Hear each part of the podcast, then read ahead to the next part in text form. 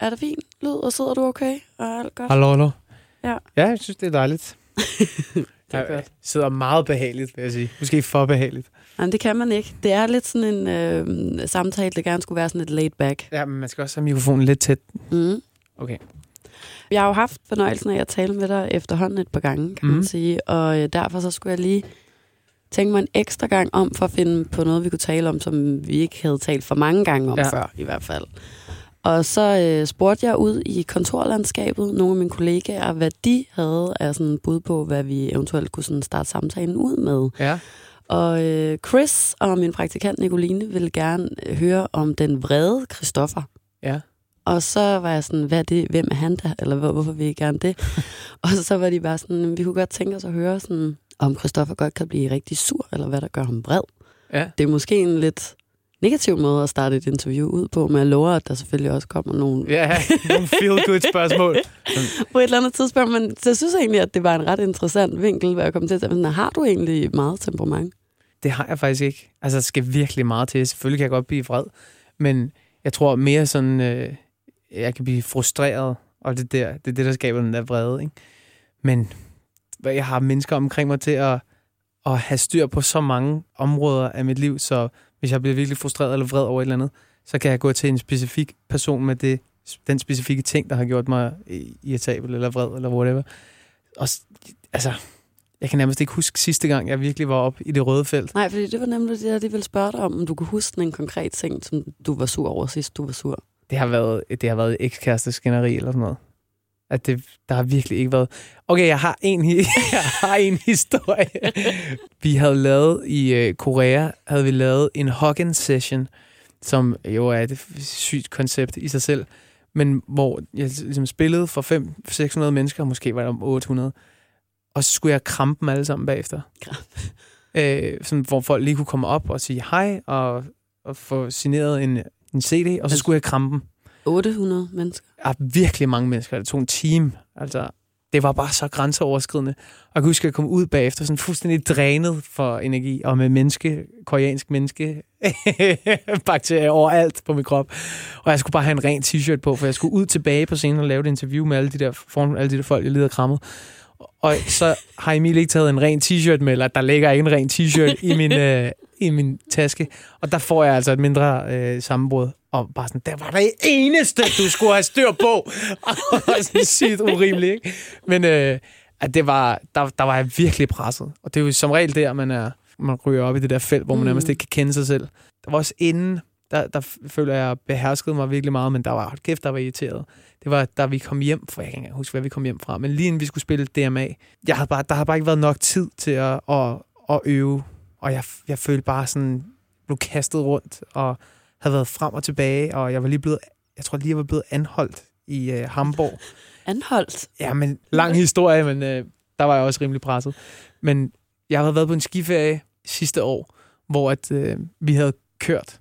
Ja. Og så havde jeg glemt at betale for noget benzin på en tankstation. Altså jeg fyldte på, og så bare kørt. I stedet for at gå ind og betale, fordi jeg er vant til, at man betaler ved standeren. Ja, ja, whatever. Vi blev så holdt ind til siden af en politibil på vej hjem, og få betalt den her øh, bøde, eller den her regning, vi er, vi ligesom er stukket af fra.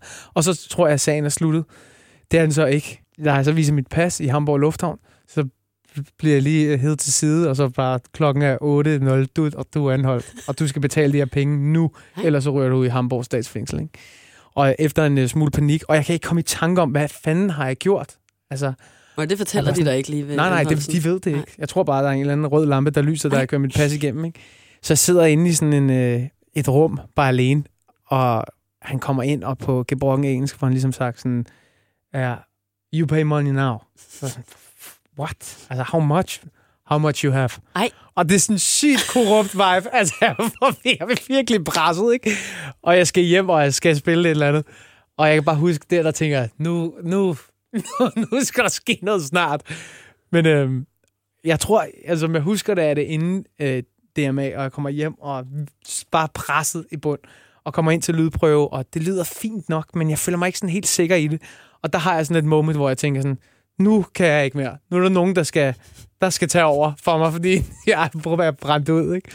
Men, men det, er, det er som regel der, når, at jeg, øh, jeg mister den, når jeg er presset og for stresset, og der er for mange ting.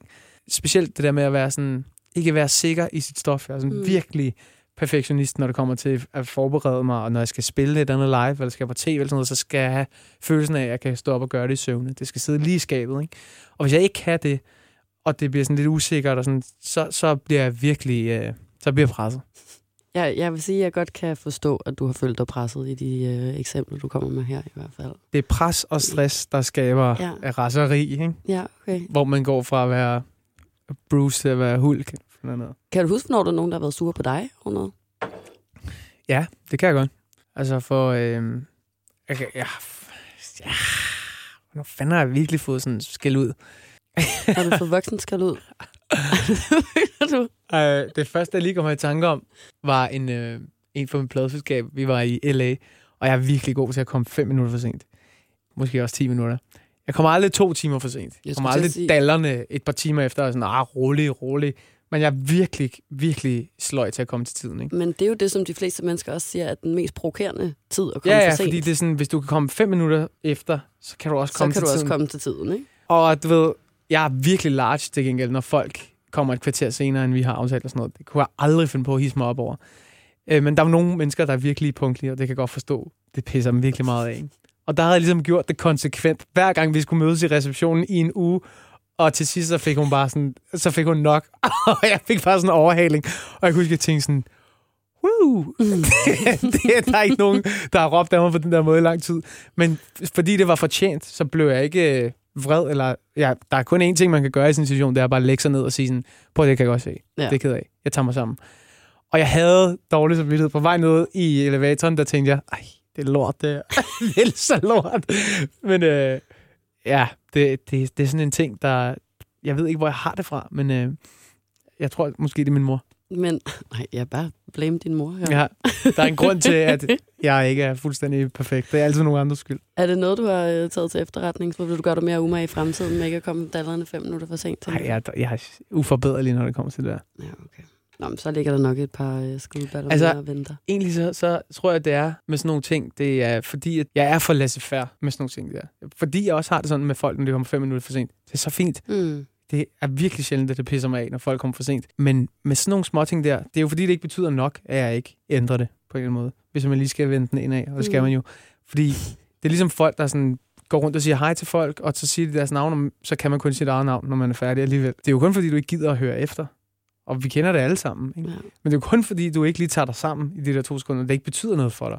Fordi hvis du virkelig gerne vil huske deres navn, så kan man godt huske fem navne. Ikke? Og jeg tror, det er lidt det samme. Hvis det virkelig betød noget for mig at komme til tiden, så vil jeg selvfølgelig godt kunne ændre det. Men det gør det ikke. jeg er ligeglad. jeg er for ligeglad. Altså. Nu taler vi lige lidt om følelser og det her med, hvad der kan gøre en vred. Og apropos det, så handlede mit program tidligere på ugen faktisk om øh, det fokus, der har været meget på unge drenge, og øh, hvor svært, at mange unge drenge har ved at tale om deres følelser og den slags. Og jeg kunne godt tænke mig at spørge dig egentlig, hvad du tænker om den her problemstilling. Det er jo en, en ting, som har eksisteret de sidste mange hundrede år. Altså, man, man vokser op som, op som dreng og får at vide, man skal være stærk, og øh, lyserød er for piger, og man må ikke græde rigtig, drenge græder ikke, og man skal kunne øh, tage vare på sig selv, og hvis man har et problem, så klarer man det selv. Det er okay som pige at være følsom og være ked af det og sådan noget. Det er det ikke på samme måde som mand.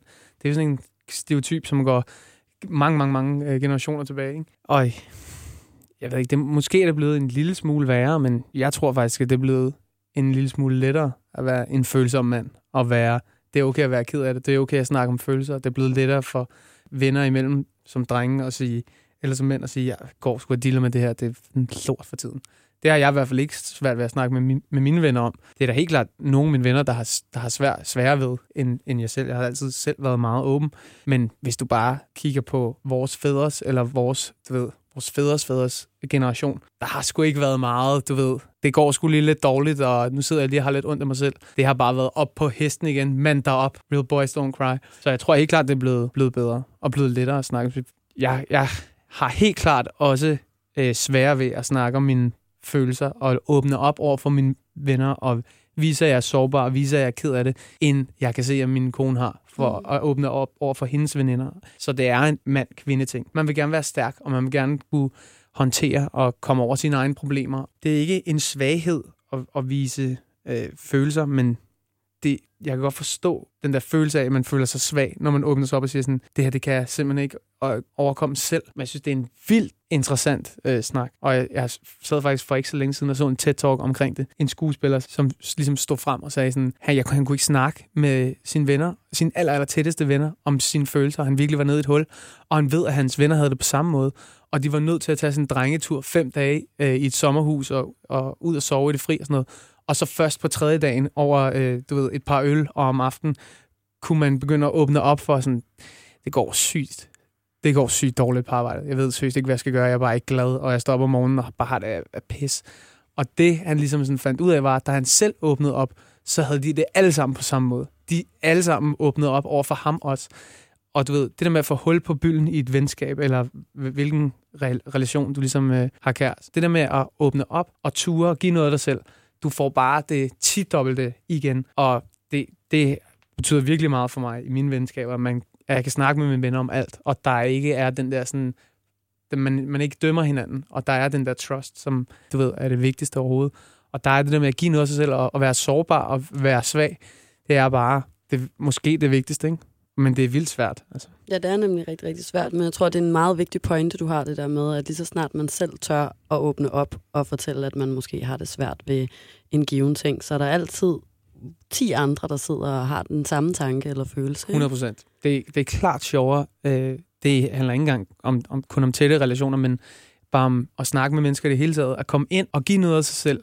Man kan bare mærke, at man får meget mere. Det er en meget, meget federe øh, måde at møde mennesker på at være på. Men jeg synes, for lige at komme tilbage til emnet, det der med at være dreng og ture og være sårbar, jeg tror ikke, det er blevet sværere. Jeg tror helt klart, det er blevet lettere. Jeg tror også, det er fordi, der måske bare er mere fokus på det i det hele taget, at det så bliver noget, der bliver debatteret mere, og derfor så opdager flere bare, at det måske er et problem. I hvert fald det, der er meget fokus på lige nu, mm. er, at du ved, de sociale medier øh, har gjort, at alle sidder med følelsen af, at alle andres liv er perfekte, undtagen ens eget. Ikke? Men det er, jo, det er også et emne, der er blevet så så talt om lige nu, så det næsten er udtværet. Ikke? Men øhm, det, det tror jeg stadigvæk er, det gør det jo ikke til et mindre problem, bare fordi vi har snakket meget om det. Og jeg kan da også mærke det på mig selv. Jeg er måske en af dem, der er allermest bevidst om det. Og jeg, for, det, jeg forstår det stadig godt. Og jeg har det stadig sådan, når jeg scroller igennem mit feed. Ikke? Den her generation og unge mennesker i dag, de har noget, de føler, de skal leve op til på en anden måde, som man ikke havde i gamle dage. Men i, i gamle dage, du ved, der fik du at vide af dine forældre, at du skulle cykle til tandlægen og blive boret, og så cykle hjem igen med tårne trillet ned igen alene. Der var sådan lidt anden sådan hård, klar dig selv-agtig mentalitet, mm. og de var ikke pakket ind i bobleplast på, på samme måde, som de er i dag. Og sådan, forældre blev mere overbeskyttende og passer bedre på, og der er nogle helt andre sådan, forældre, der siger, at deres børn skal være veganer, og whatever. altså, du, så, så der er, jeg synes ikke, at det har været sværere eller bedre eller lettere i forhold til vores forældres generation, øh, eller vores, men, men det er bare anderledes. Og jeg tror, at der, vores børns børns generation kommer til at have nogle helt andre problemer, ikke? Og bare aben følger med. Og jeg synes også, der er noget fedt ved, altså når man snakker om gender roles, og mænd skal være mænd, og piger skal være piger. Jeg synes stadigvæk, der er noget romantisk over den der, mm. mænd må gerne passe på deres kvinder, og kvinder vil gerne passes på, og den der, det der forsørgergen. Jeg synes også, det, det kan godt blive lidt sådan, den bløde mand nogle gange, kan godt, kan godt have det lidt svært med. Okay. Den lidt for bløde mand. Den lidt for bløde mand, ja. ja. Men det er jo også, der skal jo være plads til lige præcis den mand, man har lyst til at være. Fuldstændig. Sige, ikke? Så hvis Fuldstændig. Du, altså, og det er vel egentlig bare den overordnede, hvis man skal tage det sådan helt op ifra. Ja. At man ikke skal føle, at man skal leve op til alle mulige normative forventninger af, hvad et eller andet billede er på den rigtige mand. Mm. Nu har vi fået vendt det her emne, og øh, så spurgte jeg jo også ud på min Instagram, hvilke emner folk godt kunne tænke sig, at vi to vi skulle vende. Og der var mange, der skrev, kan han bedst lide at have langt eller kort hår? ja, blå eller rød tandbørste. ja. Og øh, hvor meget merch sælger han i udlandet, og skal han snart have hvor en baby? Merch. Merch. Merch og den slags. Og det har jeg valgt at slå lidt sammen til øh, særligt at vinkle lidt på, på børnetingen, og så tale om, hvordan du egentlig selv var, da du var barn. Mm. Jeg vil starte med, eller tænke mig at høre, hvad du var sådan rigtig god til, da du var barn. Øhm, jeg tror, det er helt, jeg tror, jeg var meget let. Altså, jeg har fået at vide, at jeg ikke græd særlig meget, bare sådan en tyk baby, der spiste og sov. Jeg, jeg har altid sådan haft det let ved at, at få venner, spille fodbold, og det gik godt i skolen, og det, det har været meget sådan... Jeg har det som om, jeg vokset op i sådan Øh, meget sådan kernefamilie. Ikke? Altid masser af kærlighed, og aldrig været i tvivl om, at dem omkring mig elskede mig, og det gør jo, at man bliver utrolig uh, selvsikker. Så hvis ens familie og dem omkring en bliver ved med at sige, du er den bedste, så så tror man på det. Mm. Ligesom hvis ens forældre siger, piece of shit, du betyder intet, så tror man også på det til sidst. Man er jo bare et produkt af, og en refleksion af det, som ens omgivelser, de, de siger, det er det her, du er. Ikke? Jeg kigger virkelig tilbage på min barndom, og det er ren idyll og kerne, og alt fra ligesom godt, utrolig, uh, utrolig kedelig historie, men... Nej, det er en dejlig historie, synes jeg. Jamen, det er en dejlig historie, men, men i forhold til at være sangskriver, og i forhold til at skulle finde den der smerte frem, mm. og den der sådan, det her, det kan folk virkelig relatere til, kan jeg godt nogle gange have, have, have siddet med følelsen af sådan, jeg vil ønske, at det ville jeg selvfølgelig ikke ønske, men at hvis der var en eller anden tragedie, man kunne tage op, så, havde, så tror jeg måske, at så havde jeg ikke været den samme person. Så det ville jeg selvfølgelig ikke ønske.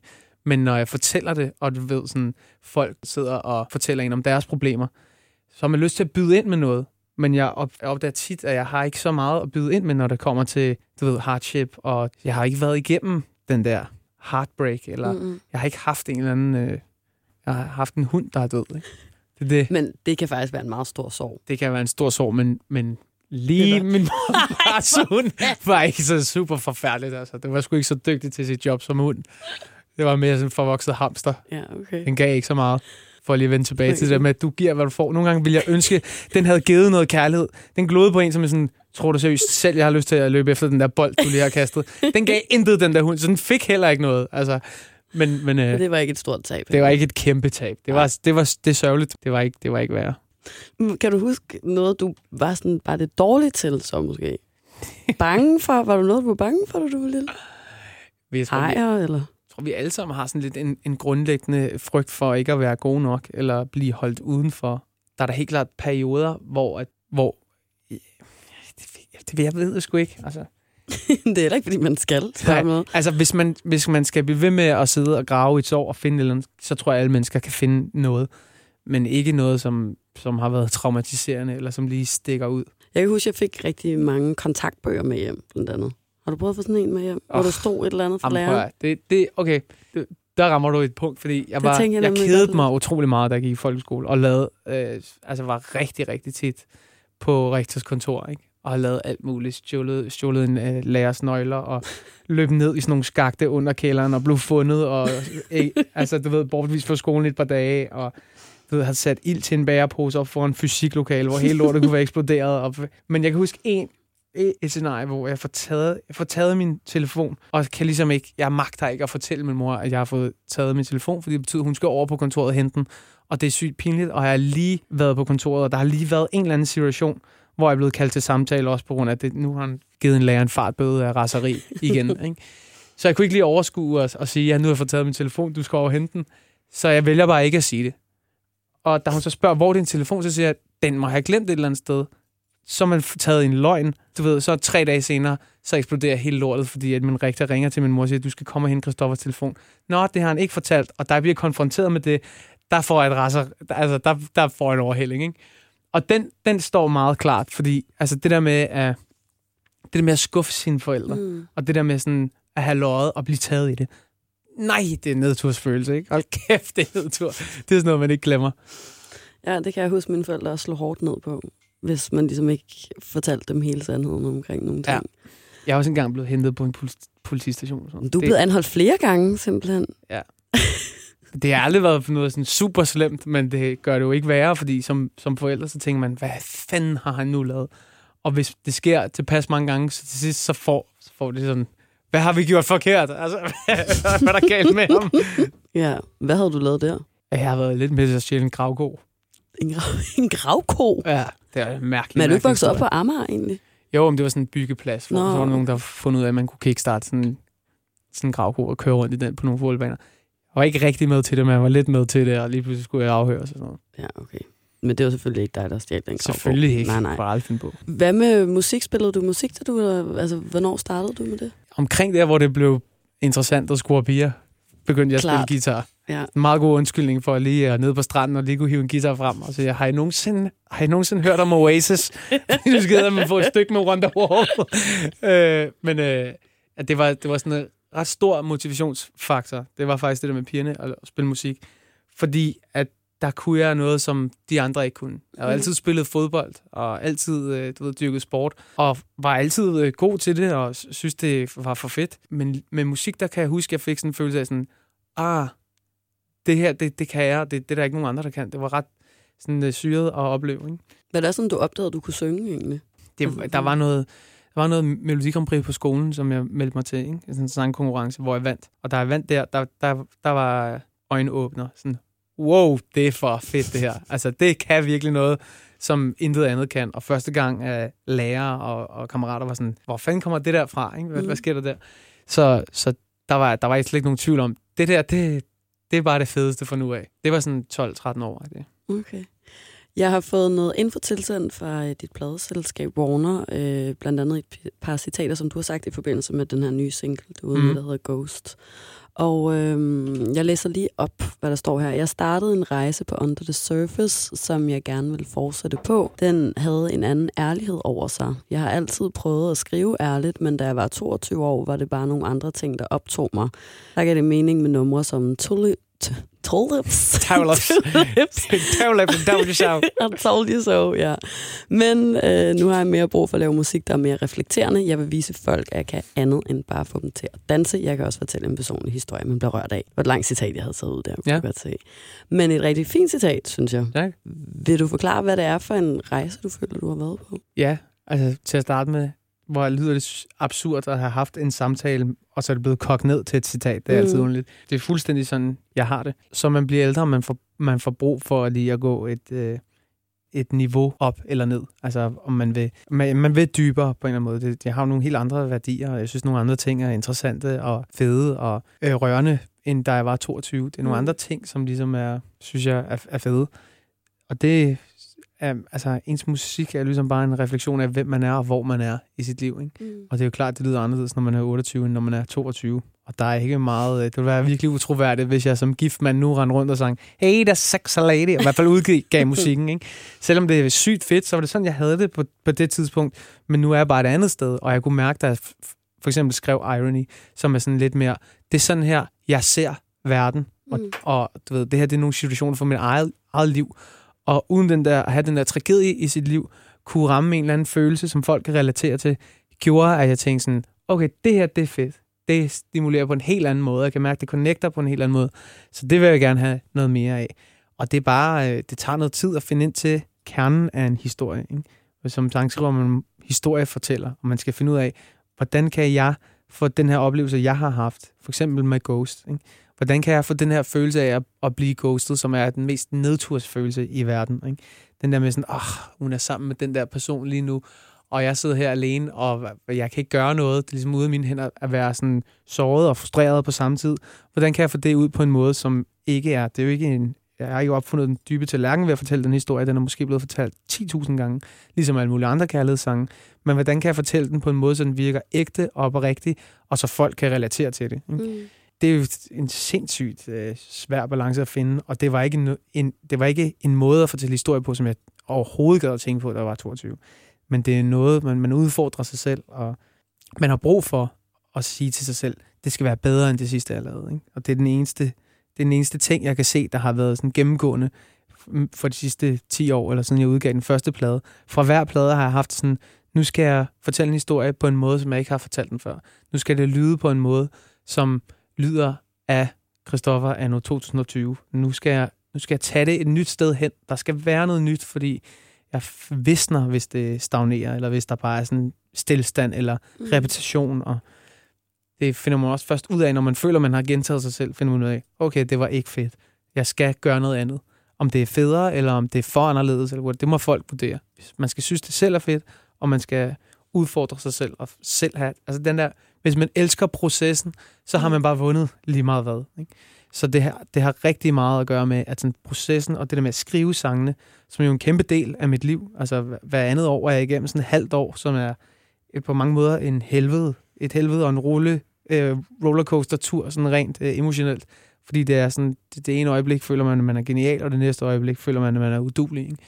Men hvis man kan lære at elske den der proces, så bliver alting bare federe, og så føler man hele tiden, man vinder. Fordi når man så kommer ud på græs og skal spille de her festivaler og koncerter for folk, og man virkelig har noget at sige, og har den der historie at kunne fortælle, og kan Mm. mærke på folk, at de kan relatere til det, så bliver det først for alvor optur. Ikke?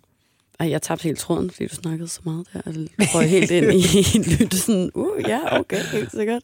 Nu taler du om, om den her rejse i det her citat blandt andet også. Mange skrev egentlig også til mig, da jeg spurgte om, hvad de godt kunne tænke sig at høre om. Igen det her med, hvad har været det sværeste eller det fedeste ved de seneste par år. Og det er jo apropos starten af det her interview, noget vi har talt om før. Men noget, som folk stadigvæk er interesseret i at høre åbenbart. Så sådan, hvad, hvad eller åbenbart, det er jo også spændende. det, åbenbart. Det beklager altså, jeg, jeg ikke. Jeg er jo røvlig glad med at høre. Men, øh, hvad har været det, fed, det fedeste de sidste år? Ja.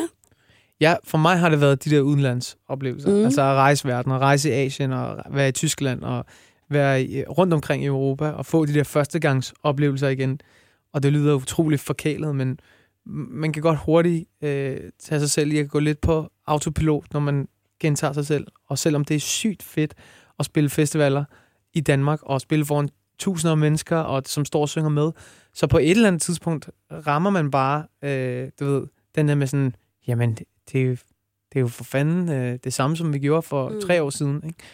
Og der, skal, der kan jeg mærke, der, skal, der bliver udfordret i at sådan, at der skal virkelig hive mig selv op for at få det maksimale ud af den oplevelse, hvor hvis man går på scenen, og det er ligegyldigt, om det er 15.000 mennesker på en eller anden dansk festival, eller om det er 1.500 mennesker, eller 50 mennesker et eller andet sted i Tyskland.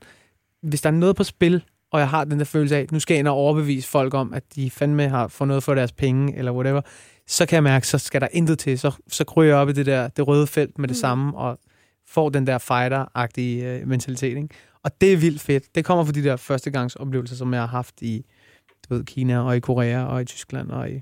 Hvorfor tror du egentlig, at netop du har fået så stor altså, succes i udlandet frem for andre danske artister?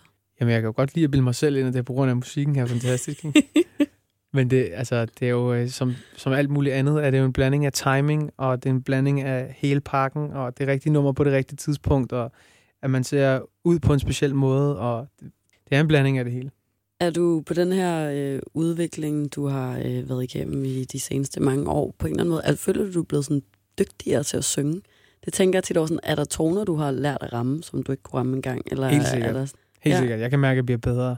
Bedre bedre bedre bedre, bedre. Både til at spille og til at synge, og mm, man lærer sig selv bedre at kende, ikke? og endnu vigtigere, man lærer sine egne begrænsninger at kende. Ikke? Mm. Man ved, hvad man ikke skal gøre, og man ved, hvornår man skal være fokuseret, og hvornår man skal give det skal give alt, og sådan, det der med at økonomisere med sine kræfter og sådan noget. Jeg føler, men, men lige præcis det der med at synge, jeg føler virkelig, at jeg er blevet bedre. Mm. Altså, det, det gør jeg.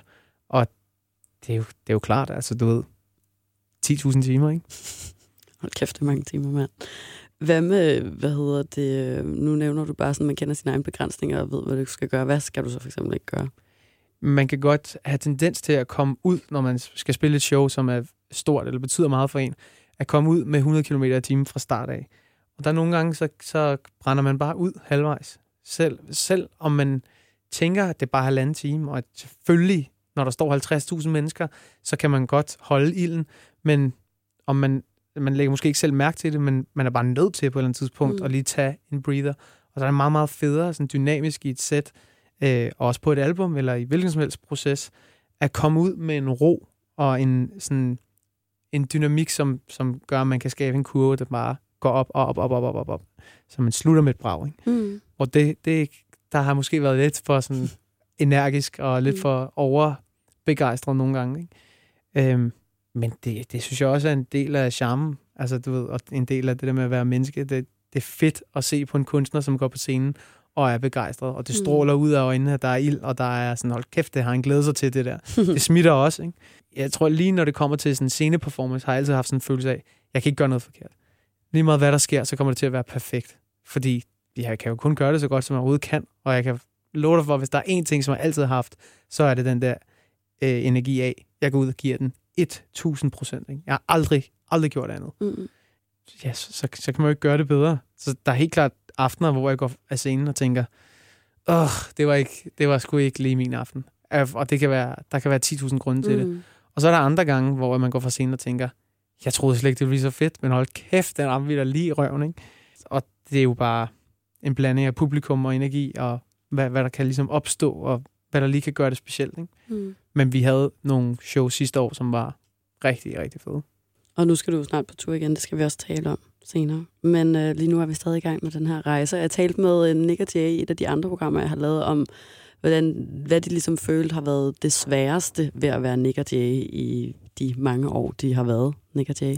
Og øh, de, de fremhævede ret meget det her med at være kendt.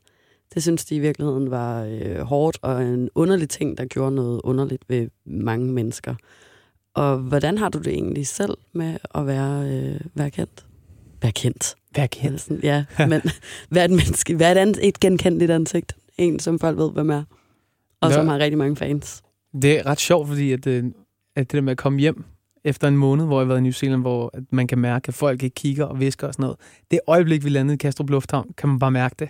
Og det var ret øh, vildt, det der med sådan, ah, for sygt. Altså, man bare har den der sjette sans, hvor man kan mærke, at folk visker og snakker, og lige kommer over ved at have et billede, og lige pludselig, man bliver selvbevidst på en anden måde. Mm. Det er der er nedtur ved det. Øh, fordi man gider ikke. Altså, det der med at rende rundt med sok i sandal og en eller anden beskidt t-shirt med en plet på buksen og sådan noget Mm. i en måned, det er så befriende. Altså, det er så fedt, ikke? Og bare, du ved, øh, det sparsomme skæg, man har, lad det gro, og du ved, være ligeglad, Det ikke? sparsomt måske. øh, øh, så den der lidt joggingagtige tilgang til, til det hele er er ret fed at have. Den, den, den vil jeg bare ikke. Den vil jeg ikke kunne tillade mig selv at have herhjemme. Mm. Fordi hvis man skal tage et billede med folk, eller man skal...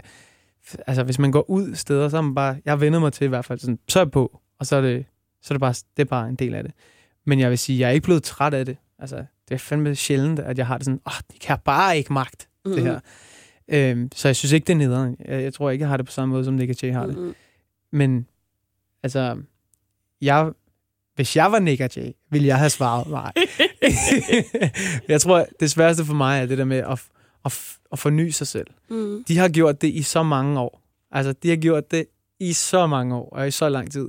Jeg kunne forestille mig, at hvis jeg var Nick og Jay i en person, Ja, duoen i en Hold person, da op, en person til Ja. gengæld. så, så, så tror jeg, det der med at, at, at genopfinde sig selv, og blive ved med at gøre det samme, og du ved, have den samme energi i det der projekt. På et eller andet tidspunkt, så, så skal man bare fucking miste pusten. Altså, og det må de også have på et eller andet tidspunkt.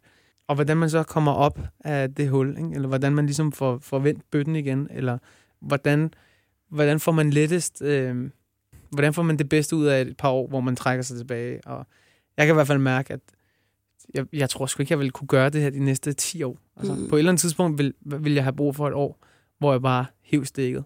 Og så en måned til New Zealand, det er måske ikke nok. Men det er nok lige nu, og det er totalt fedt, og det er virkelig fedt at mærke den der, den sidste uge havde jeg sådan en kriblen i fingrene, fordi nu kommer der ny musik ud, og jeg skal hjem, og jeg skal på tur, og ah, det bliver fedt, ikke? 2020, let's go. Og stadig have den der, men altså at miste den på et tidspunkt, og have det sådan, oh, jeg har fandme brug for en længere ferie, eller jeg har brug for virkelig bare at lave noget andet, eller alle mennesker får, får brug for på et eller andet tidspunkt at, at prøve nogle ting af, hvor man ikke ved, om man er god nok. Jeg ved, jeg er god til at spille musik, og jeg ved, jeg er god til at lave musik, og folk siger hele tiden, at jeg er god til det. Så Ja. på, når man, på en eller anden måde, så, så på, på et tidspunkt har man lyst til at sige sådan, "Nå, men hvad med lige at ryste posen, og så øh, være dårlig til eller andet igen? Hvad Men skulle det prøv- være, tror du? Kunne jeg lave film, eller skrive noget andet end sange, skrive en bog, eller Skriv en bog. skrive en børnebog. La- Nej, jeg, jeg har virkelig gået og, og tænkt, jeg, jeg, jeg gad godt at snakke med kreative mennesker. Øh, du ved, lave en podcast, hvor man snakker med mennesker omkring den kreative proces. Hvordan er din øh, opfattelse, hvordan er din proces anderledes fra min proces? Hvad har været det fedeste? Hvad har været det mest nedtur? Hvad har været det hårdeste? Hvad har været det sværeste? Mm. Altså have sådan en artist til artist-agtig øh, snak kunne være fedt.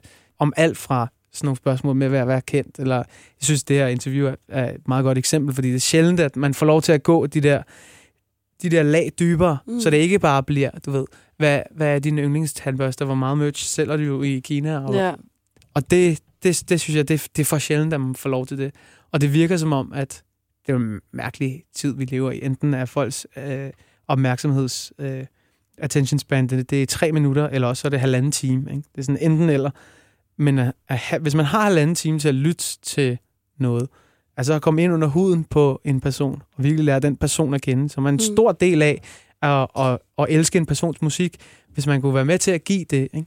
Det, det, det tror jeg vil være fedt. Nu er det bare et eksempel, det er selvfølgelig noget, jeg har tænkt over, men, men at lave noget andet på et eller andet tidspunkt, vil, er super tiltrækkende.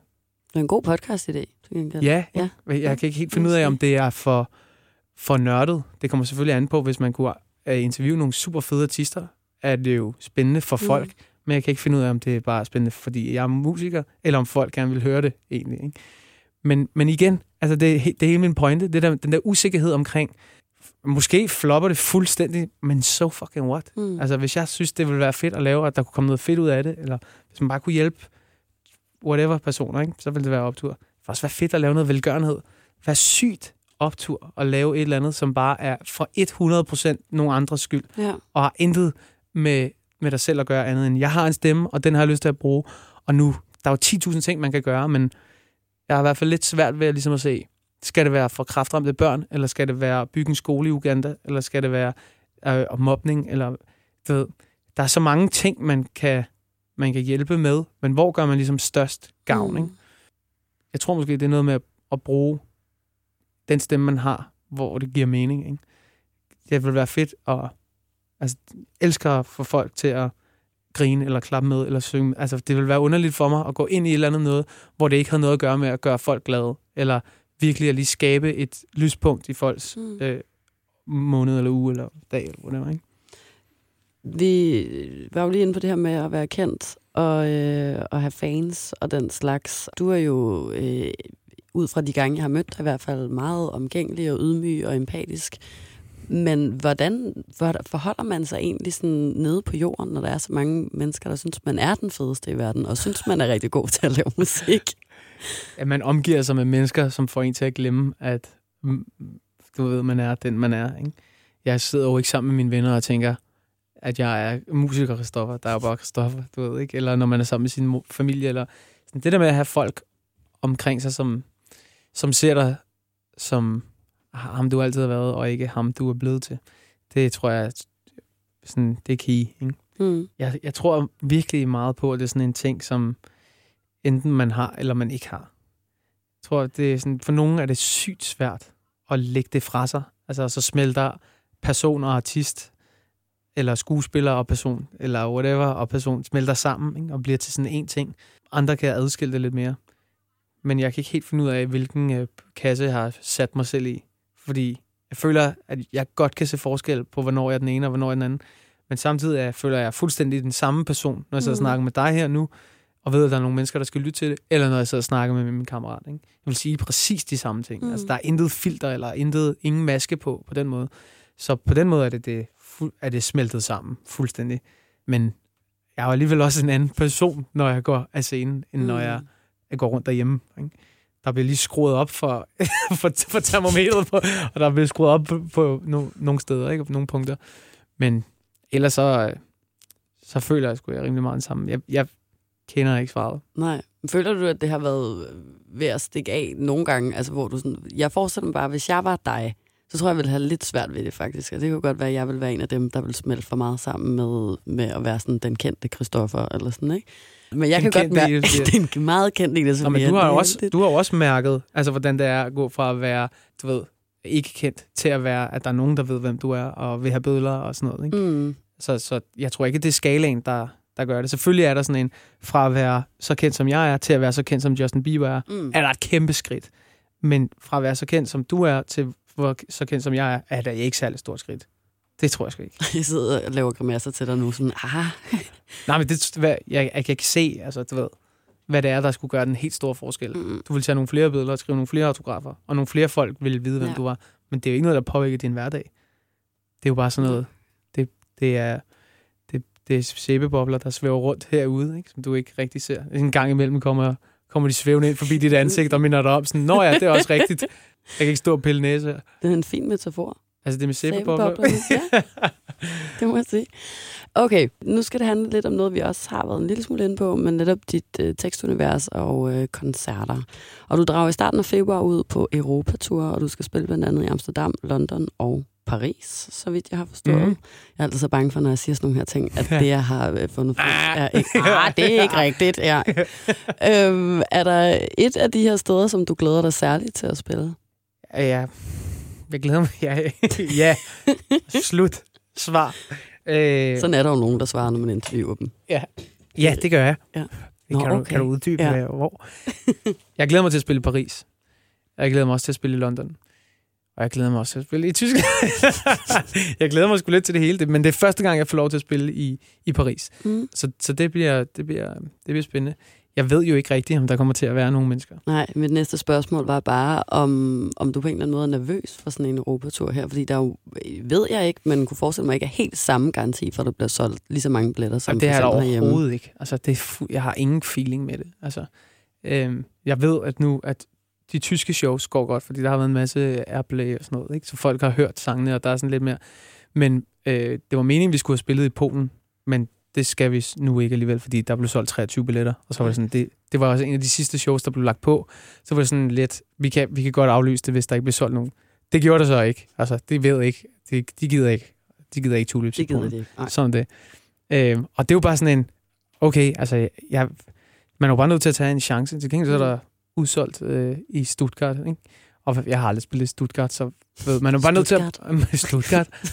Men man er bare nødt til at prøve sig frem, ikke? Og ved, løbende kan man jo godt se, okay, det bliver fedt at spille for 200 mennesker i London, men altså, jeg ved jo ikke, øh, ved ikke hvor meget der promotion, der har været for det. Mm. Jeg ved ikke, øh, om der hænger ved, plakater i gadebilledet, eller om nogen ved. Øh, altså, det, det er virkelig svært, men det er bare, igen bare sådan noget med at prøve det af, og bare gøre det, fordi hvis man ikke gør det, så er der ikke nogen chance for, at man kan lade det vokse. Vel? Øhm, så jeg, jeg glæder mig helt vildt, og igen, det der med at føle, at man skal ind og bevise noget. Ikke? Mm selvom jeg spillede for 23 mennesker i Polen, så vil jeg stadig have det sådan, okay, det er lidt anderledes, end jeg plejer, men man fandme have det sådan, kæft, man vil give de 23 polakker en fed oplevelse. Så ja. Det er et dejligt billede, jeg har i hovedet af den koncert. det, det har jeg også. Jeg har, det, er ikke kun, det, det er ikke kun en skandale, fordi der står 23 mennesker. Altså, jeg har haft nogle af de fedeste oplevelser. Jeg havde sådan en akustisk tur i Tyskland, hvor vi spillede øh, på nogle forskellige radiostationer, bare mig og, og Gustav, min guitarist og korsanger. Og og det var så optur. Der var nogle rum, hvor der sad, det var sådan nogle radiovinder. Helt, helt meget mindre end det her rum. sad 15 mennesker, 10 mennesker og sådan noget.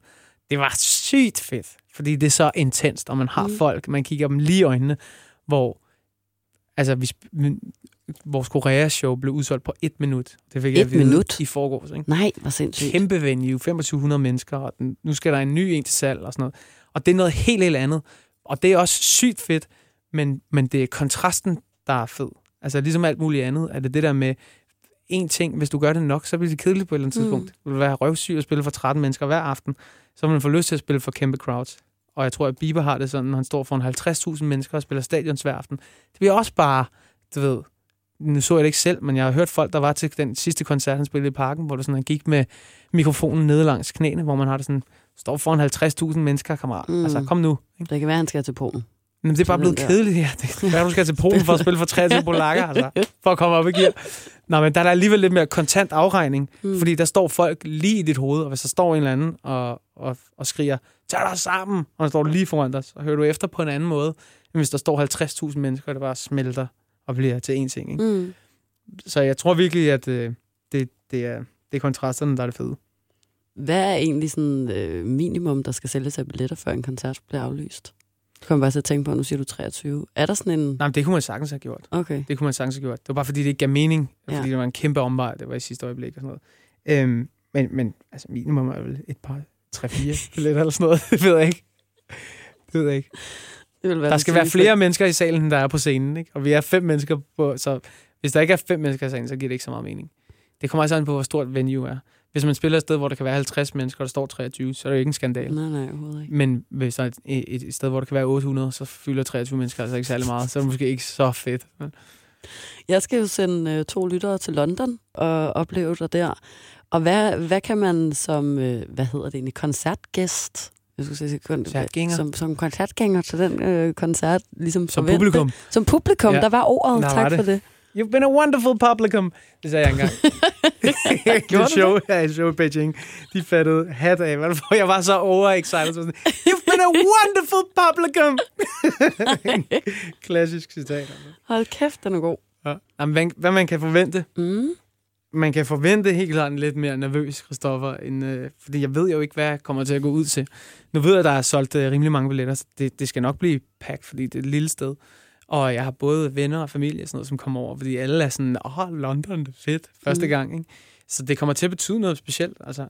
Øhm, og jeg er sikker på, at det bliver en uh, super, super fed uh, super fed aften. Der, der sker noget med energien i et rum, når det er så intimt. Ikke? Øhm, og man, man finder nogle kræfter frem, som man ikke vidste, man selv havde. Og jeg har det jo tit sådan igen, med frygt for at lyde som en kæmpe forkælet øh, møgung, når jeg går på scenen i, øh, herhjemme. Jeg ved, at folk kender sangene, jeg ved, at de kan synge med, så jeg går ud med en ro, som er måske nogle gange lidt for sådan... Øh, Nonchalant. Ja, forstår du, hvad jeg mener? Ja. Altså, hvor når man ikke ved, om folk synger med, så er man lidt mere forsigtig, og man prøver lidt folk anden, og du ved, lad mig høre sig, oh, wow. man, skal lige have, man skal virkelig have folk op i gear, fordi man ved ikke. Men øh, så andre gange, så får man det serveret på et sølvfad, og så kan man bare mærke for første øjeblik, jeg har dem bare i min hulehånd. Mm. Nogle gange skal man kæmpe for det og sådan noget, men, men usikkerheden omkring det, det gør noget, gør noget andet. Jeg har også det her, det lyder næsten som om, jeg prøver at sidde og blære mig med, hvem jeg ellers har haft med i det her program efterhånden. Ja. Nå, men så også snakket med Sebak. Ham har jeg ikke snakket med nu, det vil jeg ja. rigtig gerne til gengæld. Jeg er jo stor Rasmus Sebak-fan. Så du snakke med Halsey? Ja, det er rigtigt. Sygt. Det er til gengæld også et af de syge. Jeg græd jo faktisk, da jeg interviewede hende. Gjorde du det? Ja, jeg gjorde. Jeg det så godt, du havde tårer i øjnene tidligere det her interview, også for det, for det samme ja, følelse. det var, fordi jeg grinte, tror jeg. Men, var hun øh, fed? Hun var meget fed. Hun, hun, jeg havde sådan en oplevelse af, sej, at hun var så dygtig til sådan meget konkret at beskrive følelser, som jeg selv har haft vildt svært ved at sætte ord på i det meste af mit liv. Så sådan, det var meget overvældende for mig at bare høre en, der bare sådan kunne sidde og tale om det, som om, at det for det første bare var sådan helt normalt, og udover det er super nemt at tale om. Ikke? Ja. Det var sådan meget... Hvad var det for øh, nogle ting? Nu er det det, Ja, det må man nok sige. Øh, men ja, vi talte om, øh, hun har blandt andet lavet et nummer, der hedder Graveyard, mm. hvor at den handler om, at man ligesom vil følge en person ind til de dårligste steder overhovedet, hvor de går hen, fordi man ligesom er blind af kærlighed. Og øh, sådan en relation har jeg selv været i i mange år, og altså sådan, det var virkelig ikke særlig godt for mig. Og jeg tror, jeg havde svært ved at finde ud af, hvad det egentlig var, jeg gjorde, og jeg mistede mig selv i det. Og den måde, som hun bare kunne sidde og tale om, det var sådan en naturlig måde, som også viste, at hun virkelig var kommet ud af det på en god måde, og sådan var bare ret overvældende for mig. Sygt fedt. Men øhm, ja, kom jeg også lige rundt om det her. Det lyder rigtig fedt. Ja, det var fedt, og det ja, fantastisk. Jeg glæder mig, hun kommer og spiller den 22. februar i Royal Arena. Så ved du Gør hun det? Ja, hun gør. Skal du tage ind og se, Ja. hvis du ikke er selv ude. Nej, der er du ikke der endnu. 22. hvad? Februar. Der er jeg selv ude. Nå, der er du selv ude. Ja. Ja. Jamen, der skal jeg i hvert fald ind og høre Halsey, så. Ja. Men for lige at vende tilbage, så øh, talte jeg med Benjamin Hav, og han var meget inde på, at han synes, det kunne være uforenligt på en eller anden måde at have familie. Nu har han jo så også børn, ikke? men ja. at være på tur på samme måde. Jeg tænker, nu er du jo også blevet gift og den slags. Synes du, at det kan skabe nogle altså, problemstillinger, eller være svært at forene de her to verdener? Jeg kunne godt forestille mig, at, at det skabte nogle, øh, skabte nogle problemer, hvis man har en familie. Mm. Men der er jo kæmpe forskel på at være far, og så på at være gift. Mm. Øhm, øh, jeg har jo, vi har jo stadigvæk, det er jo stadigvæk det samme forhold, øh, jeg har med Cecilie, som da vi ikke var gift. Der er stadig de samme frie rammer og forståelse for, hvad det er, vi laver, og hvor meget plads vi skal have, og hvad det Mm. kræver osv. Så på den måde sy- synes jeg ikke, at det er blevet sværere, bare fordi, at øh, vi, vi nu har startet vores egen lille tomandsfamilie.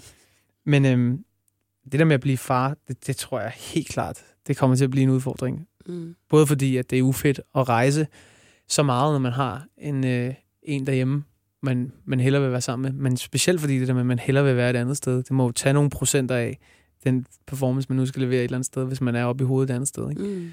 Øhm, jeg, jeg, det, det har man jo hørt utallige gange. Det er utrolig svært at forene de to ting.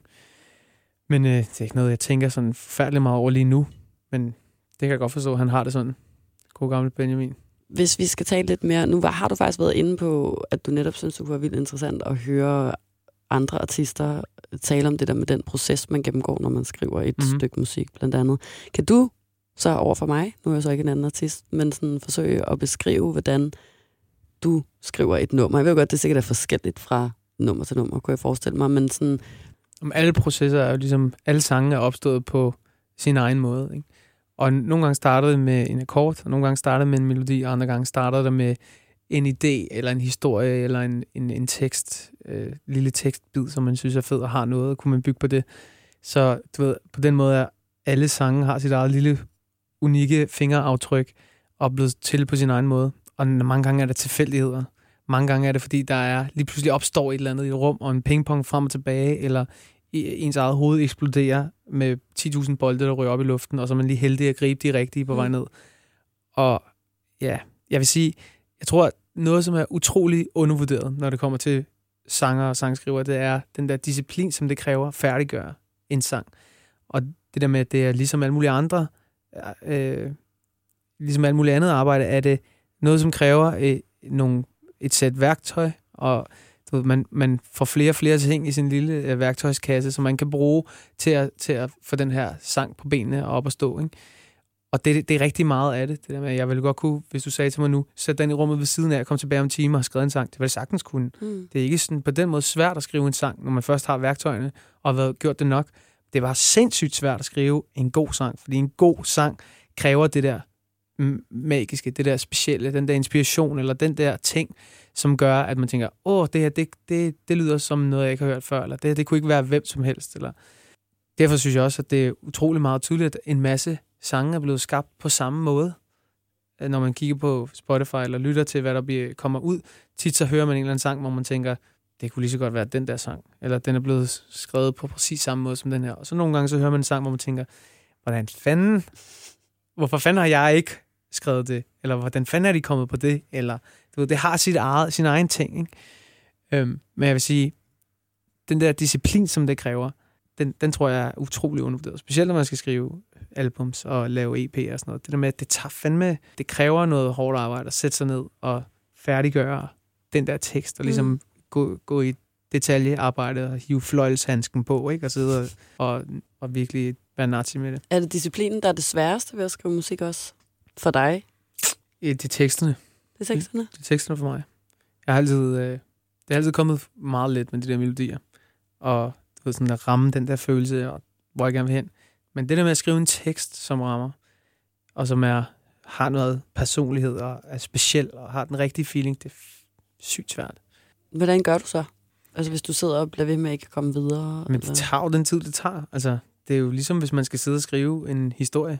Det er jo, altså, man venter på, at den rigtige linje kommer, og man prøver nogle forskellige ting af, og lige sover på det, og står op nogle gange og tænker, ah, det føles ikke helt rigtigt det her, og det her det føles overraskende godt. Og nogle gange så, så sker det på 20 minutter. Altså, da vi skrev Irony, som måske er en af de bedste tekster, jeg føler, jeg har skrevet, mm. det kom så let. Og der var slet ikke nogen tvivl om, der var sådan en sang på det næste album her, som hedder Amen, som, som har lidt samme sådan en-til-en fortælleragtige måde, og det er sådan, jo mere personligt det bliver, jo mere rigtigt føles det. Mm. Meget hurtigere. Fordi, du ved, sådan en sang som Ghost for eksempel, som er den, den nye single, som selvfølgelig handler om en personlig historie for mig, og som har nogle ting, som jeg virkelig kan trække på, og en følelse, som jeg kan gå ind i og sige, det er det her, jeg gerne vil, vil, vil sige, at det er den her følelse, jeg gerne vil have, at folk skal høre, når de, når de lytter til sangen. Mm. Lige, så, lige så godt skal det lyde i munden. Altså man kan sige rigtig, man kan skrive rigtig mange øh, tekster, som øh, siger præcis det, man gerne vil, vil sige, men som ikke rimer, og derfor ikke har den samme sådan, oh, pocket feeling. Og der er også rigtig mange ord, som lyder øh, super, super fedt, når man bare siger det, men når man synger det, synger det ikke særlig godt. Og der er bare sådan en masse ting, som man, der ligesom skal gå op i en højere enhed, og nogle gange kan man tænke sig til det, andre gange så er man bare heldig og rammer det. Ikke? Men der er ikke, heldigvis, er der ikke nogen sådan en specifik liste, man kan følge og sige, hvis du gør det der, det der, det der, så får du bare den helt rigtige blanding, og så har du et fedt nummer. Heldigvis er det anderledes hver gang. Altså vil det også blive røvsygt, mm. og så vil alle skrive hits, fordi så vil man bare kunne sige, følg de her 10 simple trin, og så har du den. Ikke?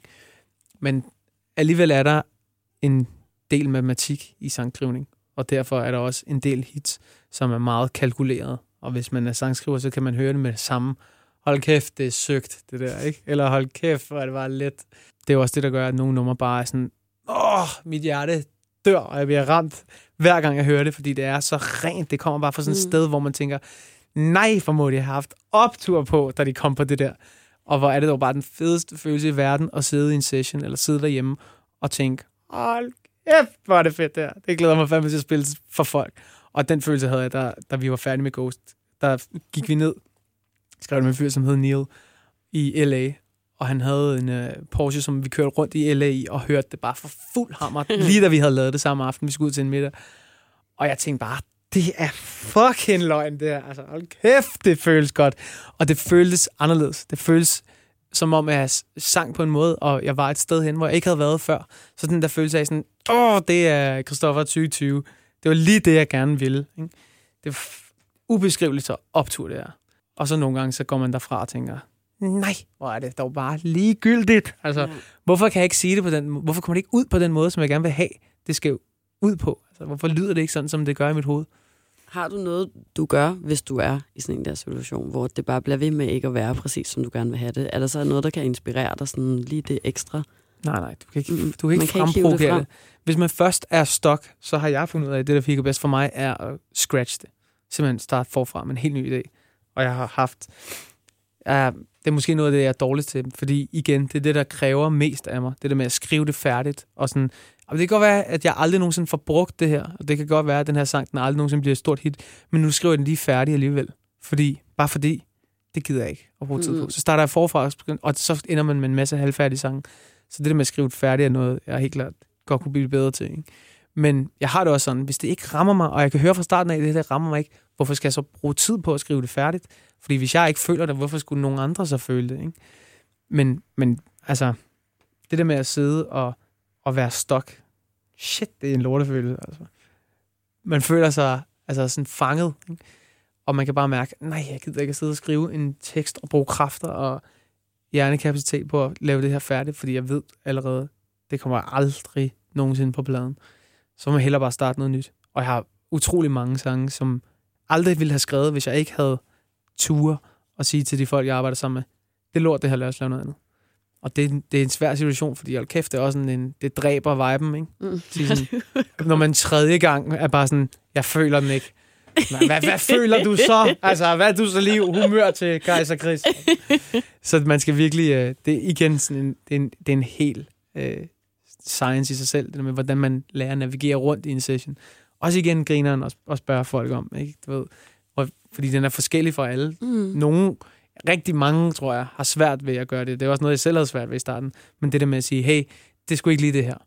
Lad os, lad os prøve noget andet. Det er den, Helt der hedder Kill Your Darlings i virkeligheden lidt, ikke? Jo, eller Kill Your Bastards. Altså, fordi ja. man, det, det er jo ikke en darling, før at det, man virkelig føler Nej, for det. det. Altså, det er måske en af de andre processer, som er utrolig svære, når man har en masse sange, som jeg har lige nu, og skal cutte det ned til de der 8 eller 10 eller 12, mm. der skal være på en plade.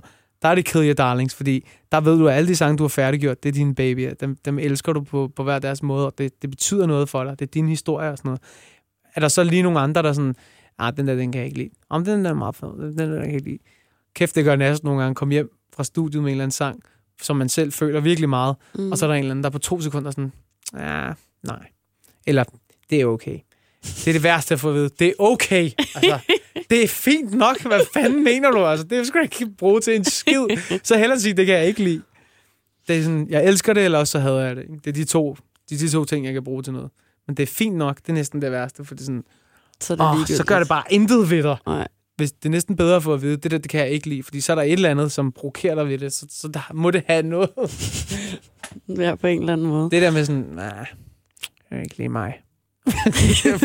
Hvem er det, der siger det? Er det folk på bladselskabet? Jamen, det er, eller det sådan, når nej, du, det, det er jo bare... Når du bare lige viser det til nogle af dine venner eller et eller andet? Nej, men det, altså, du ved, folk, som ikke er musikere, er jo ufølsomme over for musik. Det er jo bare noget, der, der ikke fylder noget i deres hverdag. Det er sådan noget, der er lidt i baggrunden, når de handler ind, og så, oh, oh. så tænder de for radioen og sådan noget. Nej, nej, men jeg snakker om dig Nu snakker jeg bare om folk generelt. Okay. Sådan tror jeg, at der er rigtig, rigtig mange mennesker, der har det med musik. Det fylder alt i mit liv. Ja. Det er 90 procent af mit liv. Mm. Den kører bare altså non-stop op i hovedet. Ikke? Det musik er alt. Jeg kan slet ikke forestille mig en verden uden musik. Der er masser af mennesker, som går rundt, og det er bare sådan, det fylder måske 5% i deres liv. Det er sådan noget, folk har jo deres egne, øh, du ved, interesser, ja. og du ved, er den vigtigste person i deres eget liv, og har deres egne sådan, med passioner og sådan noget. Så ligesom at jeg ikke giver en fuck for cricket, ikke? Så er der nogen, Ej, hvor cricket er hele deres... Cricket? Er det? det er bare en sport, som er sådan, jeg har aldrig nogensinde rigtig har forstået. Eller baseball, eller whatever. Kæft, der er mange, der er virkelig passionerede omkring baseball. Mm. Ikke? Det føler ikke noget i mit liv. Fint, jeg støder ind i det en gang imellem. Sådan er der, der folk, der har det med musik. Og det er også ja. dem, man laver musik til. Det er, også, det er også dem, der ligesom skal... Nogle gange, når, når et hit er et hit, er det bare fordi, at det er universelt. Om du har forstand på det, eller ikke har forstand på det, om du kan forklare det, eller ikke kan forklare det, så er det blevet hit, fordi det rammer en eller anden ting. Ikke? Mm. Det der Tones and I, et Dance Monkey, er et genialt øh, eksempel. Ikke? Fordi det er sådan, jo, det er godt, og første gang jeg hørte det, var jeg sådan, uh, det kan noget, altså det er fandme specielt, ikke? Men at det er blevet så stort, som det er blevet, mm.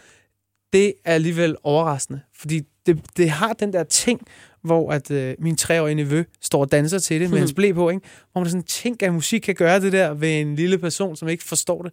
Og samtidig er der en eller anden øh, gammel dame et eller andet sted, som har sagt, ja, det kan jeg sgu godt høre noget i, eller det er meget funky, eller whatever. Ikke?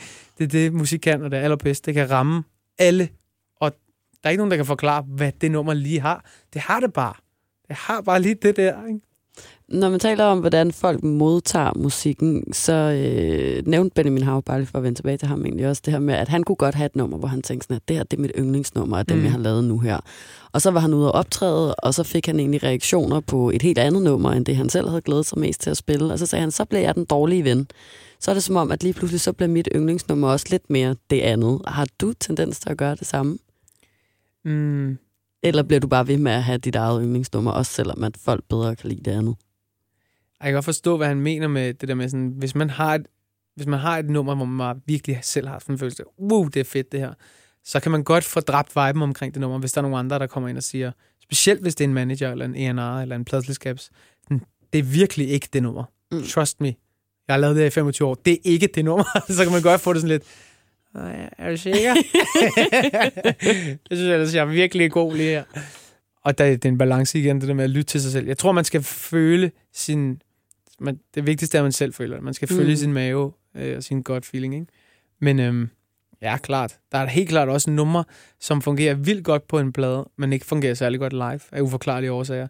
Og omvendt, ikke? Der er nogle ting, som er sådan lidt... Ja, men så live, så er det bare sådan, wow, det er fedt. Mm. Så ja, det, det, det er sjovt. Det, det er virkelig det er forskelligt. Nu skal vi lige tale lidt mere om Ghost, fordi fredag den 17. udkom singlen, og i pressemeddelelsen, nu læser jeg noget op igen, mm. der stod der blandt andet, hvis man snakker øh, for meget om, hvad man gerne vil lave, og har for mange regler for, hvordan det må lyde eller ikke må lyde, så rammer man aldrig noget originalt. Det er jo faktisk også lidt det, du har øh, været inde på nu. For man kan ikke snakke sig frem til en musikalsk udvikling.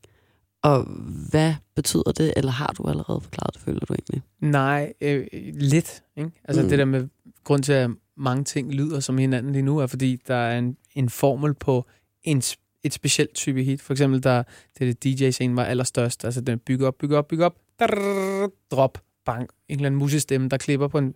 Det er sygt fedt. Jeg har fandme skrevet med og danset med mm. til mange, sådan, ty, mange sådan nogle type numre. Men det er også alt sammen lidt det samme nummer.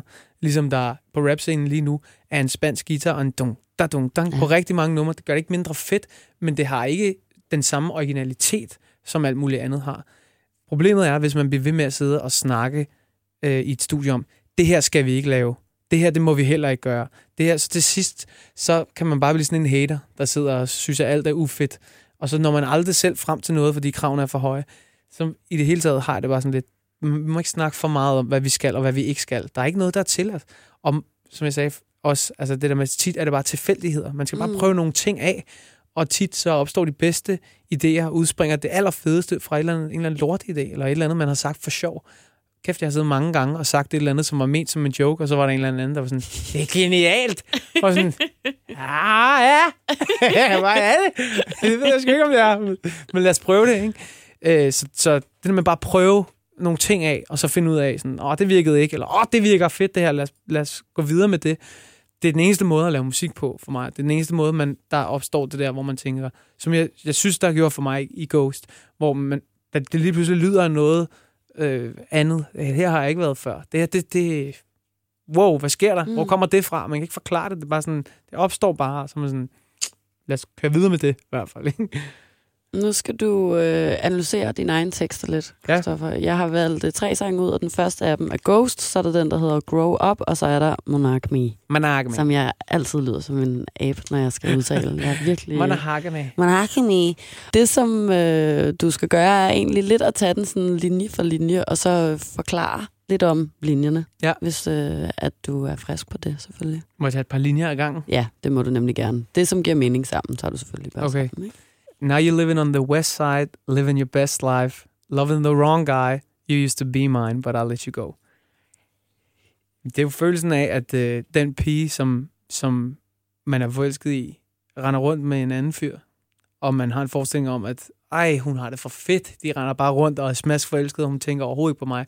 Og jeg kan ikke tænke på noget som helst andet. Altså den ultimative følelse af sådan frustration, og det er ude af mine hænder. Ikke? Øhm, og sådan følelsen af, at det har været tæt på. Altså det, lige nu handler det handler om, der er, der er mødt Sille, og du ved, bare totalt farvet benene væk under mig, love at first sight, og hun ligesom bare sagde sådan, du er rigtig sød, men ellers tak. og så gik det tre måneder, før jeg fik chancen for at møde hende igen, ikke? Øhm, og hun var sammen med en anden fyr, og var sådan, du virker rigtig sød, men jeg har en ting for en anden fyr.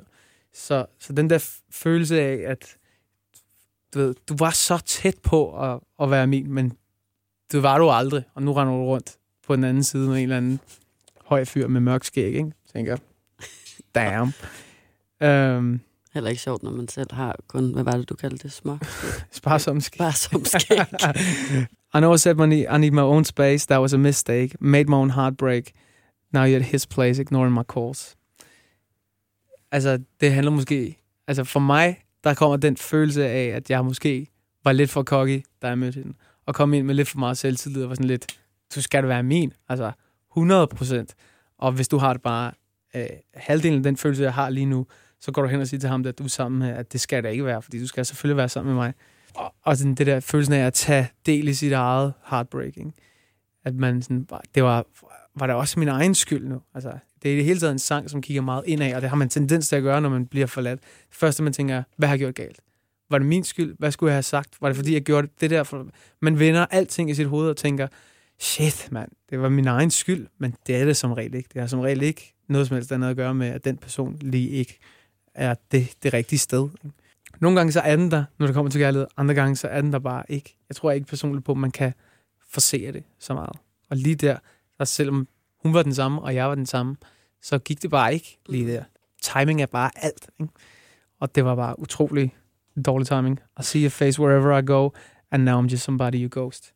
At være forelsket i en person, og have den der følelse af, hver gang man ser en mørkhåret person og på en cykel med ryggen til, så man sådan, det er hende, og ens hjerte lige stopper i to sekunder, ikke? At man ser spøgelser over det hele, ikke?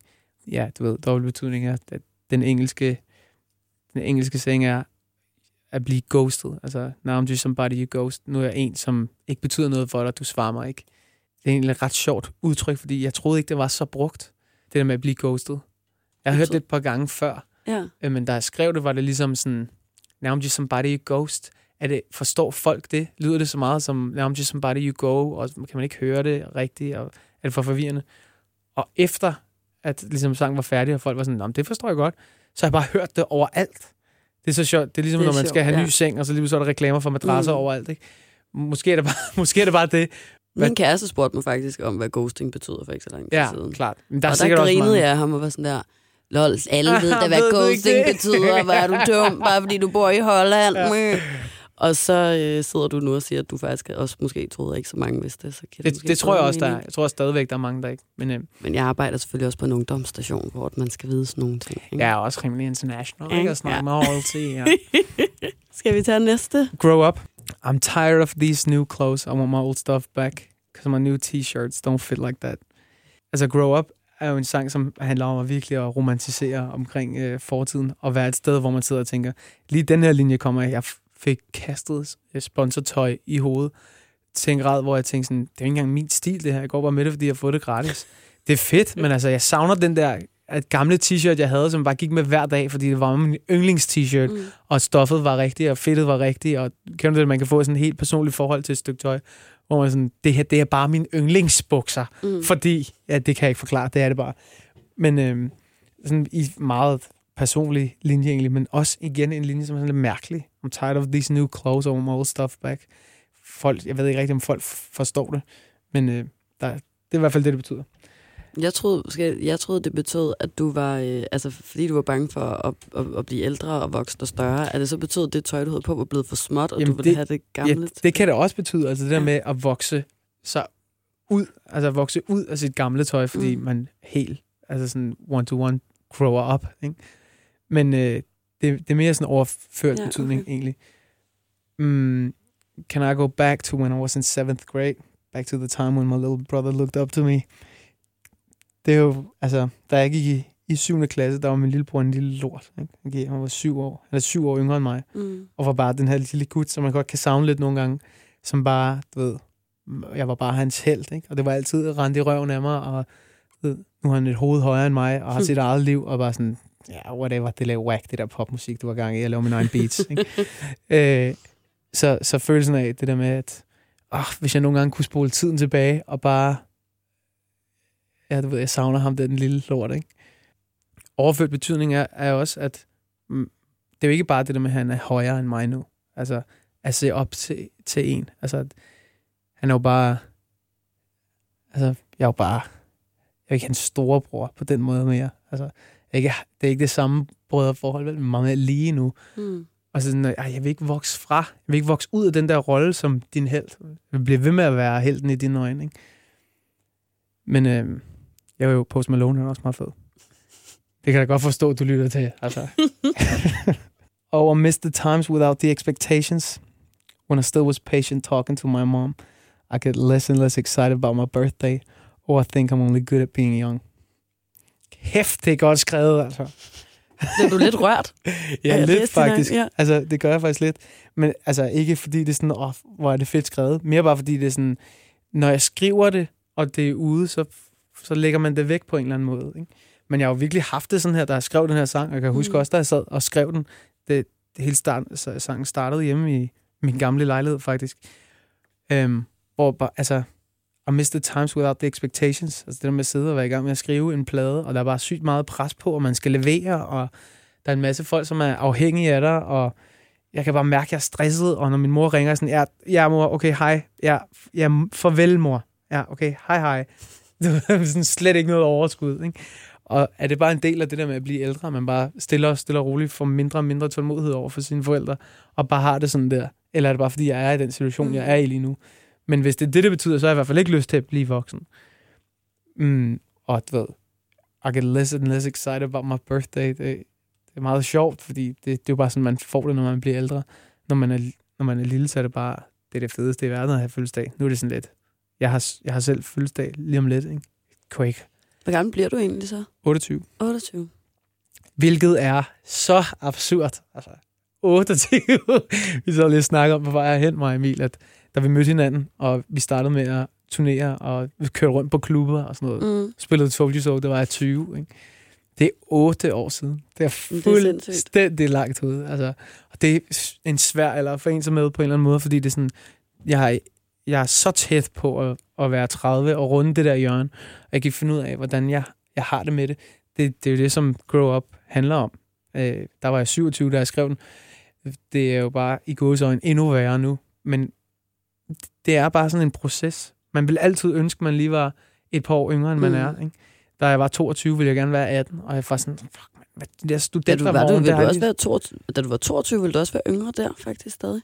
der havde det i hvert fald sådan lidt, når jeg så øh, du ved, studentervognene komme ja, kørende. okay, der har jeg lige været og sådan noget. For, jeg kan misse, jeg savner Mm. de der privatfester, og, ja. og du ved, det, det første kys, den der følelse, hvor det kilder i maven på den der måde, ikke? og, og når man er 28, så har man lyst til at være 24, ikke? Øh, og jeg tror også, jeg får det sådan, når jeg er øh, 35, så har jeg lyst til at være i starten af 30'erne. Det, jeg tror bare, det er sådan, det skal være.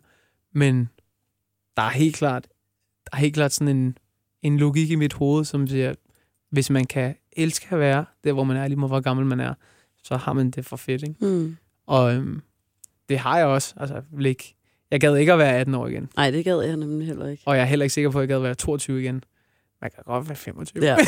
Men, det, men den her sang taler også rigtig meget til mig. Det er derfor, jeg valgte den ud, fordi jeg virkelig selv har været... Jeg, jo, jeg bliver 30 i år. Til Ja. ja. sommer bliver jeg 30. Og jeg føler, at faktisk fra da jeg blev 28, var det, at, omverdenen begyndte næsten at være bange på mine vegne. Og det synes jeg var vildt frustrerende, fordi da jeg sagde, sådan, da jeg sagde, jeg blev 29 sidste år, der var folk sådan, Nå, Er du 29? ja, jeg er 29. Ja. ja. Er du det? What? Jeg skulle til at være meget yngre. Jamen, det, er, lavet du som om du er andre, eller er du dig selv nu? Ja, Nå, ja, okay, jeg nå, men du selv- være, du sådan lød, som om det var det, jeg er folk ikke, sagde til jeg er mig. ikke i sketch lige nu. Nej, okay. Ja, ja, ja. Oprigtigt. år. Er du 91'er? Jeg er 90'er. 90'er? Ja. Sygt nok. Det er jeg nemlig. Men, men der var folk meget reageret sådan der, faktisk præcis som du gjorde der, og så ja. bagefter sådan, Nå, Jamen, okay. Nå, Jamen, Jamen der så er er- der jo kun et år, til du skal i kisten, næsten, føler jeg, at folk var. Ikke? Jeg var sådan, Ja. helt ærligt, lad være sådan at plant den der angst i mig for at blive ældre, for jeg gik egentlig rundt og havde det okay ja. i hvert fald. Men nu får jeg det bare værre og værre, for hver gang jeg fortæller, at jeg er 29, fordi folk er sådan, uh, ja, nå, så er det jo om at nyde det. Ja, det er ret grineren. Ikke? Og jeg kan godt forstå, at du godt kan relatere til det, fordi det er sådan en... Specielt fra omverdenen er det sådan, når du er 29, så skal, så skal du have en idé om, hvad du vil med dit liv. Mm. Du skal have styr på det. Altså, du ved, hvis du er single som 29, og du har et job, hvor du er sådan lidt, "Ej, jeg ved ikke rigtig, hvad jeg vil, og sådan noget, så, så, så vil man automatisk have det sådan, hvorfor har alle andre styr på det? Og der, du ved, der var 20, og tænkt, hvad laver jeg, når jeg er 28? Så vil jeg tænke sådan, så har jeg fuldstændig styr på, hvad det er, jeg laver. Altså, så er jeg voksen. Mm. Sådan har jeg det sgu ikke. Altså, jeg ved sgu stadig ikke, hvad fanden jeg laver. Jeg har det stadig som om, at du ved, jeg tjener penge på min hobby, og du ved, lige pludselig kan det stoppe, men jeg ved det ikke rigtigt, og du ved, man har ikke styr på en skid. Nej, jeg forestiller mig lidt, det i virkeligheden kommer til at være sådan resten af livet. På en eller anden måde. Jeg tror i hvert fald ikke, at man sidder som 35 år og har mere en følelse af, wow, hvor kører det bare for mig. Og det er derfor, det måske i virkeligheden også er attraktivt at blive sådan pensioneret 70 og bare sidde og klukke og være sådan, Ja, det, så er det tid til at hygge. ja, nu skal jeg bare spille Ja. golf og ryge cigarer. det er det, jeg mener, sådan at drikke saftevand og have børnebørn på besøg, eller du ved, gå ud i haven og så kigge lidt på alle de mennesker, der render rundt og har det sådan der. Du har det virkelig sådan der, kan jeg høre. Hvor er det fedt. Du glæder dig lidt til at blive farmor, altså. Jamen, jeg føler i hvert fald, at det først er der, at den der sådan uro sådan helt kan stoppe, tror jeg. For ellers vil man jo altid Ja. tænke fremad og være sådan, hvad skal jeg nu? Hvad skal der nu ske? Hvad kan give mening? Eller sådan på en eller anden måde, Ja. føler jeg. Ikke? Det, jeg, jeg har brugt en, øh, jeg har brugt en, en, en del øh, tid hos sådan en coach, som øh, en business coach, som bare helt simpelt bare være sådan, hvordan kan du, hvordan, er, hvad er succes for dig, og hvordan måler du det op, og du ved, hvad er det vigtigste i dit liv? Det vigtigste er at være glad. Okay, vil du være gladere, hvis der var, hvis du spillede udsolgt Royal Arena, i stedet for hvis du spillede udsolgt KB Hallen, sådan, oh, det ved jeg sgu ikke helt. Nå, okay, men hvor, hvorfor er det så så vigtigt for dig? Vil du være vigtigere, vil det være vigtigere, vil du være gladere, hvis du havde, du ved, 10 millioner streams i stedet for 1 million streams, eller 100 millioner streams? Det, det ved jeg ikke rigtigt. Om, om hvad, hvad, altså, sådan, det er virkelig, virkelig, tror jeg, så vigtigt at stille sig selv de der Mm. spørgsmål, fordi det der med at blive ældre handler også rigtig meget om, øh, altså det måler man i forhold til, hvis man har succes. Man har lettere ved at sige sådan, det er fint nok at blive 30, hvis man har en IT-virksomhed og har solgt den for 150 millioner, og bare sådan, Nå, jeg, jeg er good. Ikke? I stedet for, hvis man sidder og er programmør og ikke rigtig ved, sådan, om den her app, som jeg er ved at lave nu, kommer den til at, flyve, eller er det bare noget pis? Mm. Altså den der sikkerhed, så på den måde kan jeg mærke, at jeg er meget mere, meget ældre måske egentlig, end jeg, jeg, jeg føler, at jeg har oplevet nok, eller lige så meget som nogle folk oplever på et mm. helt liv, og jeg er måske, ja, du ved, 40 år i forhold til sådan økonomisk, og jeg, sådan, jeg har en fed lejlighed og en fed bil, og jeg er gift, og du ved, i forhold til, jeg føler mig ikke som om, jeg er 28, men jeg føler mig alligevel som om, jeg er 28. Men er ligesom bare sådan, succes er bare en virkelig stor faktor mm. I, om man føler, det er okay at være den alder, man er. Ikke? Så derfor har jeg ikke særlig meget et, et problem med det. Hvis jeg var upcoming musiker og var, skulle til at udgive min første plade, og ikke helt vidste sådan, åh, dropper mit label mig, hvis det flopper og sådan noget, så ville jeg have det sådan, fuck, jeg er 28, mand. Hvad fanden skal jeg gøre? Jeg er nødt til at, dro- jeg er nødt til at pisse skraldemand, så, hvis jeg er nu 32, ikke? Så, så det, er, det er en virkelig mærkelig ting. Det var Det præcis sådan, Niels Brandt faktisk sagde igen i mit lille repertoire af mennesker, Nå, der har har været herinde og snakke. så- Men han, han, han, han talte om, at han netop havde gået rundt. De slog jo igennem forholdsvis sent af Minds of Ja. 99. Og han havde været en tur øh, på Van Gogh-museet med sin, øh, med sin kone på det tidspunkt, og fundet ud af, at Van Gogh han først slog igennem, da han var 28. Og så havde han sagt til sig selv, hvis Van Gogh han først slog igennem, da han var 28, så er der fandme tid nok til, at jeg også skal klare den Ja. ja. stadigvæk, og på en eller anden måde fået sådan ro på. Nå, Christoffer, vi skal videre til næste sang, fordi øh, vi, har snakket i en eller anden time. monogamy. Uh, these pretty girls, they're trying to get me confused. Though I get cravings, they got nothing on you. Damn it, so temp- tempting, but I leave on my own. My heart is hungry, but I eat home. Altså, der er helt klart lidt mere et smil på læben her. Hmm. Øhm, men den handler om at blive gift, og den handler om at, at have det sådan, du ved, at det er det rigtige, at være sammen med en person resten af livet. At det er virkelig det, vi er bygget til. Altså, skal vi bo øh, 50 år med i, i den der tosomhed? Ikke? Det, det tror jeg måske ikke rigtigt, at vi er. Men du ved, alternativet er at blive skilt som 35 år, få sådan en midtlav, midtlivskrise, og gå ud og have et, et second single life, og det er også synes, det er rimelig nedtur, ikke? øhm, Jeg har Men- siddet og talt om i radioen i dag, at mænd, der bor alene, lever øh, syv år kortere end mænd, der lever i parforhold. jeg tror det hele taget bare mennesker, som er ensomme, får mere kraft, og får mere stress og angst og depression, og at være alene er det værste. Vi har brug for vi har brug for mennesker, som kender os, og som vi har noget historie med, og som virkelig, vi kan have den der tosomhed med, tror jeg er virkelig vigtigt. Altså. Og øhm, det, altså, det ved, ved man jo selv for, for sine forhold, hvis man er hvis det går godt derhjemme, der er en grund til, at det er en af de største klichéer, det der happy wife, happy life. Men hvis det går godt derhjemme, så er det alting okay, og så skal det nok gå. Hvis man lige har haft et epic skænderi, og man er sådan, åh, oh, det går virkelig ikke særlig godt derhjemme, så kan alting være lige meget. Så skal man have styr på det der først. Hvis man har ro på bagsmækken, så kan man erobre verden, ikke? Og hvis der er uro derhjemme, så føler man, man at det hele kan ramle når som helst, ikke? Så den handler egentlig om, om det, altså monogamy, at leve i et monogamt forhold og sådan noget, men også det der med at være så ung, som jeg er, og blive gift, og stadig kigge på alle mulige andre piger og tænke sådan, nej, hvor er hun smuk hende der, eller whatever. Det, man, man bliver jo ikke en træmand, bare fordi man bliver gift. Mm-hmm. Øh, og skulle ligesom på en eller anden måde, øh, du ved, det er virkelig træde varsomt, når man snakker om det der, ikke? Men du ved, vi er jo bare mennesker, altså. Og jeg synes, det er vigtigt at have, og både i et forhold, men også sådan i det hele taget, at have en sådan åben dialog omkring det der med sådan, jeg ved det godt, at når øh, du ved, vi sidder og ser en eller anden film sammen, og Bradley Cooper tager trøjen af, og jeg kigger over på hende og sådan, fjern det der smil. Altså, styr dig. Altså, så lægger han fandme ikke. Du.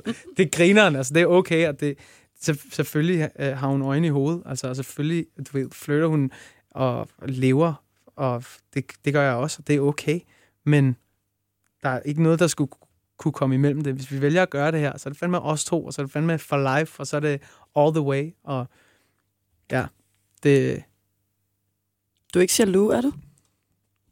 Jo. Er du? nej. ja, ja, det, det øh, hun siger til mig, at hun er, jeg er den mest jaloux, hun har været sammen med. Er det rigtigt? Det forstår jeg ikke. Altså, jeg fatter det ikke. Fordi det synes jeg ikke, jeg er. Men du ved, jeg tror også bare, i det hele taget, jeg har også prøvet at være i forhold, hvor jeg slet ikke har været jaloux. Og der kan jeg se nu, at det er på grund af, at jeg bare ikke har været vild nok med Mm. personen, men bare ligeglad. Så jeg tror også, det er også en kærlighedserklæring. Altså, den, der, at have den der følelse af, sådan, du er fandme min, og du ved, hey, kom lige herover, agtig. Det, er, det tror jeg bare er, sundt, og hun skal da tage det som et kæmpe kompliment. Det, det, det, Men mindre du det- bliver for irriterende. Jamen, der er ikke noget værre end jalousi. Nej. Altså den der med sådan, hvem skriver du med? Det, det er slet ikke der, vi er. Det, okay. og det er det fucking værste. Altså, det er, den, det er den værste følelse at være grøn af jalousi. Altså, det er jo simpelthen så forfærdeligt. Mm. Men øh, nej, nej, det, det, jeg har det jo fuldstændig under kontrol, føler jeg. men, men du ved, den der sådan stikken til hinanden, den, den synes jeg nærmest er, er Mm. sexet. Altså. Nu skal vi til lytterspørgsmålene. Ja. Der er lige et par stykker her, og øh, Simone Ellegaard spørger, hvad glæder du dig mest til i 2020? Jeg glæder mig til at spille i Korea. Lige nu.